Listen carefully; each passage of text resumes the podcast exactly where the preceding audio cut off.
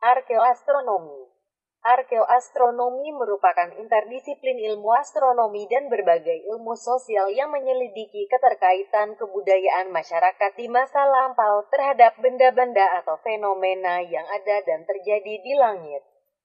Pengertian arkeoastronomi sering kali disalahartikan terkait nama arkeo yang menjadi awalan dari istilah ini. Alih-alih hanya mengkaji peninggalan sejarah yang berkaitan dengan astronomi.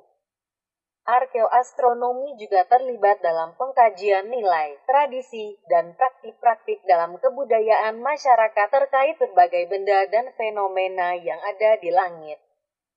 Objek kajian ini menghasilkan istilah lainnya seperti etnoastronomi, interdisiplin ilmu, etnografi dan astronomi, dan antropologi astronomi dengan kajian yang sering kali beririsan atau bahkan dianggap sama dengan arkeoastronomi. Anthony F. Aveni, salah seorang pelopor perkembangan ilmu arkeoastronomi menyatakan bahwa arkeoastronomi telah menjadi pertemuan tiga bidang kajian ilmu yang memiliki keterkaitan dengan kajian ilmu astronomi kuno yaitu 1.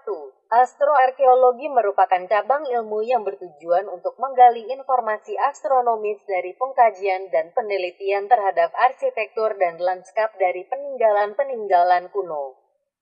Namun, penelitian pada bidang astroarkeologi lebih berfokus pada apa yang terjadi di langit ketimbang nilai-nilai kebudayaan yang berkaitan dengan peninggalan tersebut.